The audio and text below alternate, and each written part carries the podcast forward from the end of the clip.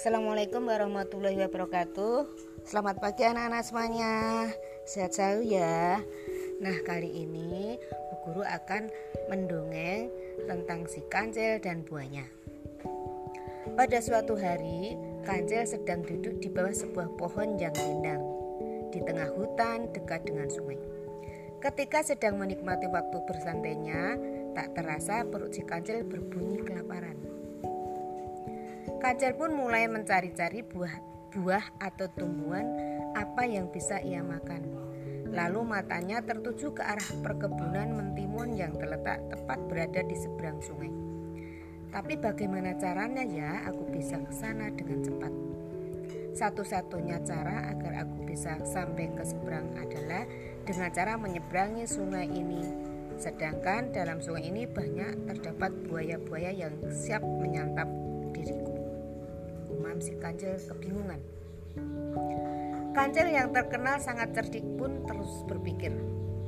Lalu dapatlah dia suatu ide bagaimana cara agar dia bisa sampai ke, per, ke perkebunan mentimun di seberang sungai tersebut. Kancil pun mulai mendekati ke pinggir sungai lalu dia berteriak memanggil para buaya. Selamat siang buaya. Apakah kalian sudah makan siang? Aku punya daging segar untuk kalian semua nih, teriak Kancil.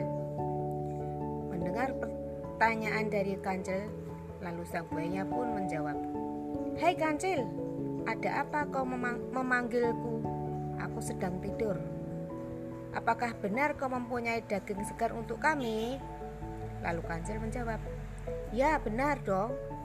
Aku punya daging segar yang aku simpan di seberang sungai sana. Dan kalian tahu aku tidak suka dengan daging. Jadi aku mau membagikannya untuk kalian semua. Buaya menjawab, Wah wah wah ada apa gerangan? Kau baik dengan kami. Jangan-jangan kau berbohong. Kau kan terkenal li sangat licik, Kancil. Kancil menjawab, Ya tidaklah, buaya aku benar-benar ingin berbagi kali ini bersama kalian. Nah sekarang kalian mulailah berbaris hingga ke tepi sungai seberang sana. Biar aku hitung dulu ada berapa banyak jumlah kalian agar daging yang aku bagikan nanti cukup untuk kalian tidak ada yang tidak mendapatkan dagingnya nanti. Tanpa berpikir panjang, lalu buaya mulai berbaris menyerupai jembatan yang menghubungkan sisi tepi satu dengan sisi yang lainnya. Kancil pun mulai meloncat-loncat sambil menghitung. Satu, dua, tiga, empat, lima, sampai sepuluh yang terakhir kali. Lalu buaya menjawab, "Sudah selesai kancil. Sekarang mana daging buat kami semua?" Kancil pun tertawa terbahak. buaya betapa bodohnya kalian semua. Aku sebenarnya tidak punya daging. Aku hanya ingin menyeberang sungai ini karena di seberang sungai ini terdapat kebun mentimun dan perutku saat ini baru lapar untuk makan siang. Jadi aku memanfaatkan kalian semua. Mendengar jawaban Kancil, buaya pun sangat marah dan berkata, Kurang ajar kau Kancil, awas kau akan aku balas nanti perbuatanmu. Kancil pun pergi sambil berkata, Terima kasih buaya, aku pamit, makan siang dulu ya, mentimunku sudah menunggu, aku lapar. Sambil Kancil jalan dan tertawa terbahak-bahak.